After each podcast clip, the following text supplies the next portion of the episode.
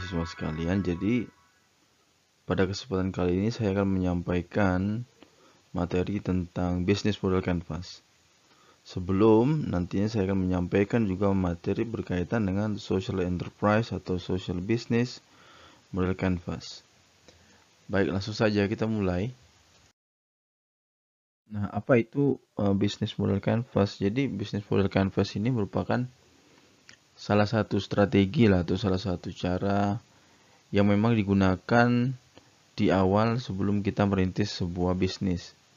Nah, metode ini dikemukakan atau dikembangkan oleh Alexander Osterwalder. Jadi setidaknya melalui canvas atau bisnis model canvas ini sebelum kita benar-benar menjalankan bisnis kita sudah tahu kira-kira uh, siapa konsumen kemudian juga uh, siapa yang menjadi partner bisnis kita kemudian uh, biaya seperti apa saja yang akan kita keluarkan. Selain itu bagaimana cara kita mendistribusikan uh, produk atau jasa yang bisnis kita kelola sebelum dia benar-benar sampai kepada tangan konsumen. Nah setidaknya nanti saya akan menjelaskan sekitar 9 elemen yang harus kita isi atau kita rumuskan sebelum kita benar-benar menjalankan sebuah bisnis. Nah, elemen yang pertama yaitu segmentasi konsumen.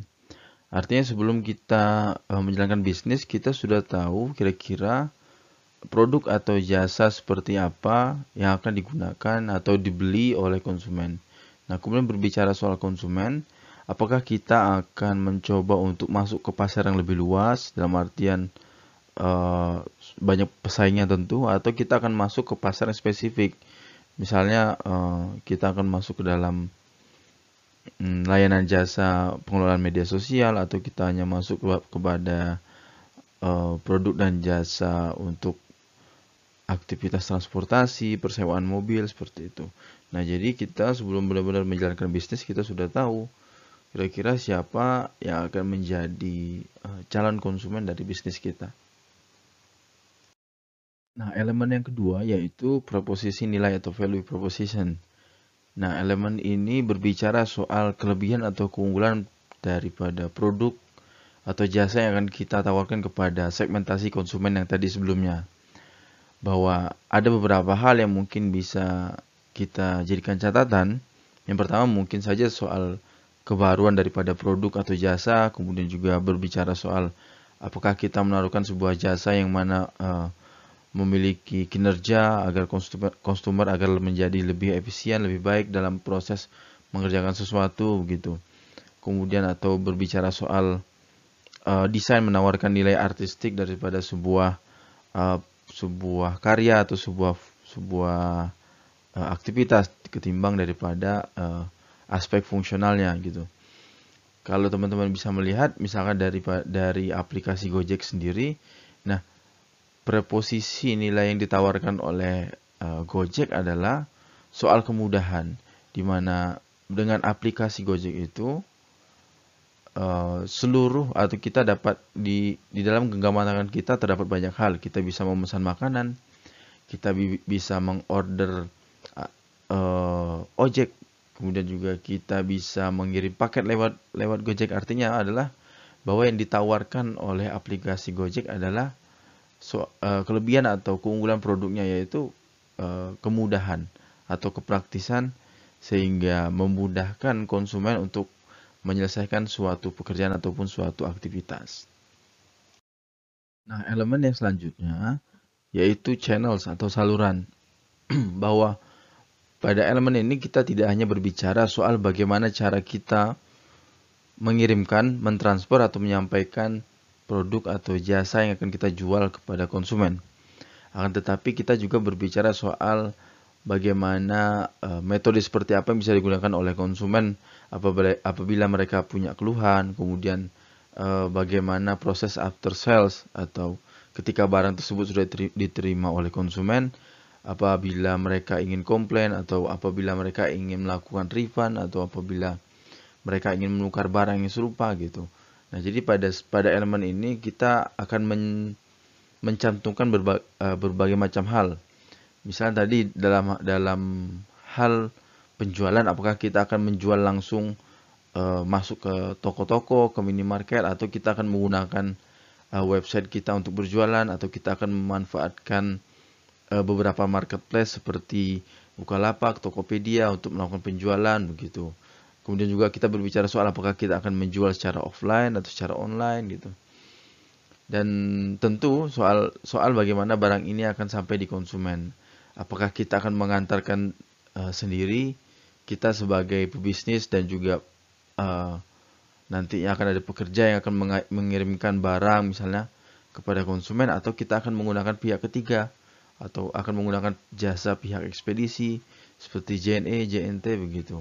Nah, di dalam di dalam elemen ini, di dalam elemen saluran ini, semua hal tersebut akan kita tuliskan, akan kita sampaikan.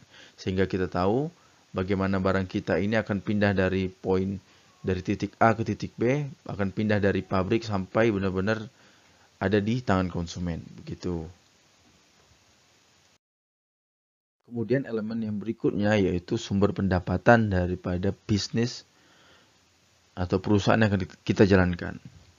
Yang jelas tadi bahwa salah satu sumber pendapatan yang akan menjadi uh, sumber pokok lah bagi bisnis kita yaitu dari proses jual beli barang atau jasa yang uh, kita lakukan antara kita dengan konsumen. Akan tetapi sebenarnya ada banyak berbagai macam cara uh, kita untuk mendapatkan uang. Bisa saja kita uh, mungkin tidak menjual atau uh, tidak menjual barang kepada konsumen akan tetapi kita sifatnya lebih kepada meminjam. Misalnya kalau teman-teman pernah melihat uh, ada perusahaan yang dia memin meminjamkan atau merental eskapator atau kemudian ada perusahaan-perusahaan yang dia meminjamkan atau merental uh, kamera. Selain dia mem memperjualbelikan kamera dia juga uh, menyediakan jasa uh, rental kamera gitu. Jadi intinya adalah pada pada elemen ini kita harus menyebutkan dari mana saja perusahaan kita akan mendapatkan uh, uang. Selain disebutkan semua, selain selain daripada uh, hasil jual beli barang yang kita lakukan dengan konsumen. Nah, elemen berikutnya yaitu sumber daya atau key resource. Artinya bahwa dalam elemen ini kita akan menuliskan berbagai macam sumber daya yang yang uh, dimiliki oleh perusahaan kita. Nah, sumber daya dalam hal ini tidak tidak terbatas hanya kepada yang berbentuk fisikal dalam artian misalnya kita punya pabrik atau kita punya uh, rumah uh, untuk memproduksi barang gitu. Akan tetapi berbagai macam hal yang di mana dia juga mungkin tidak dapat dilihat ataupun tidak dapat diukur. Yaitu misalnya salah satunya ada brand, ada hak paten, ada copyright. Jadi ketika kita akan menjalankan sebuah bisnis, harapannya kita juga sudah memikirkan apakah uh, misalkan merek dagang kita ini akan bersinggungan dengan uh, kompetitor gitu. Kemudian apabila ternyata merek dagang kita ini baru, bagaimana cara kita untuk memastikan bahwa kompetitor tidak akan meniru atau tidak akan men menjiplak atau tidak akan uh, mengambil hak merek dagang kita ini. Nah, semua semua hal tersebut disampaikan di dalam uh, kotak ataupun elemen sumber daya ini. Baik, nah elemen berikutnya yaitu hubungan konsumen atau customer relationship. Nah, beberapa memang agak agak sedikit sulit membedakan antara hubungan konsumen dengan channel. Tapi pada intinya adalah kalau hubungan konsumen ini kita berbicara soal relationship antara uh, kita dengan calon konsumen tadi. Dalam artian seperti ini, ap apakah ketika kita melakukan jual beli barang, bahwa uh, hubungan kita dengan konsumen akan terputus pada saat itu juga ketika kita menerima, menerima uang dan konsumen menerima barangnya, atau kita akan menerapkan atau uh, mengutamakan sifat uh, hubungan jangka panjang, artinya mungkin uh, kita mengharapkan agar konsumen datang lagi kepada kita, agar konsumen datang lagi untuk menggunakan jasa kita gitu. Nah, metodenya salah satunya itu dengan cara promosi mungkin atau kita menawarkan uh, promo-promo uh, produk, promo-promo jasa yang uh, secara khusus memang ditujukan untuk konsumen yang punya loyalitas tinggi kepada bisnis kita. Nah, di dalam uh, elemen ini kita sampaikan semua hal tersebut tadi. Elemen berikutnya yaitu key activity atau aktivitas yang dijalankan. Artinya uh, kembali lagi tadi kepada uh, beberapa elemen di awal. Apakah kita akan menjalankan sebuah bisnis Misalnya kita menjalankan bisnis ekspedisi, artinya aktivitas utama yang kita jalankan yaitu mengirimkan produk dari dari kota A ke kota B gitu. Atau kemudian kita akan menjalankan bisnis catering, artinya apa? Artinya kita akan merancang atau membuat suatu makanan. Nah, di sini nanti di dalam di dalam kotak elemen ini disampaikan eh, kira-kira uh, aktivitas inti apa yang akan dijalankan oleh bisnis kita. Nah, untuk bagian atau elemen kerjasama ini, kita akan melis kira-kira perusahaan ataupun organisasi ataupun individu uh, siapa saja yang akan menjadi partner bagi bisnis kita. Sebagai contoh, misalnya kita akan menjalankan sebuah bisnis catering tadi. Artinya apa? Salah satu partner yang paling potensial yaitu uh, Gojek dan Grab. Nah, kemudian bagaimana cara kita me, uh, menjangkaunya yaitu dengan cara mendaftarkan bisnis kita sehingga uh, terdaftar sebagai outlet di GrabFood ataupun mungkin di GoFood gitu.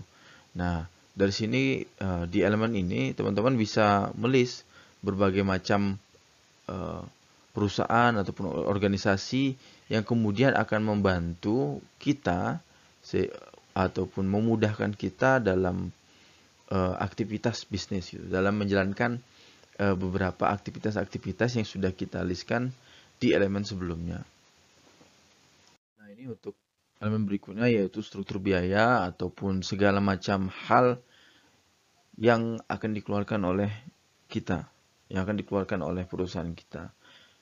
Nah, jadi di sini bisa dirumuskan kira-kira kalau tadi contohnya kita akan membuat usaha catering jelas e, membeli bahan pokok, membeli e, sayuran, kemudian juga e, di dalam sini juga akan disebutkan beberapa biaya-biaya. Misalkan kita punya e, fixed cost antara lain mungkin sewa, sewa sewa kantor, sewa gedung, sewa rumah untuk untuk tempat bisnis kita atau kemudian kalau tadi hmm, kita akan menjalankan bisnis uh, rental tentu kita akan mengeluarkan biaya-biaya seperti maintenance mobil kemudian membayar pajak mobil gitu nah di sini di dalam elemen ini akan disebutkan uh, hal-hal uh, yang intinya adalah uh, aktivitas apa pun yang di mana perusahaan harus mengeluarkan uang di mana kita sebagai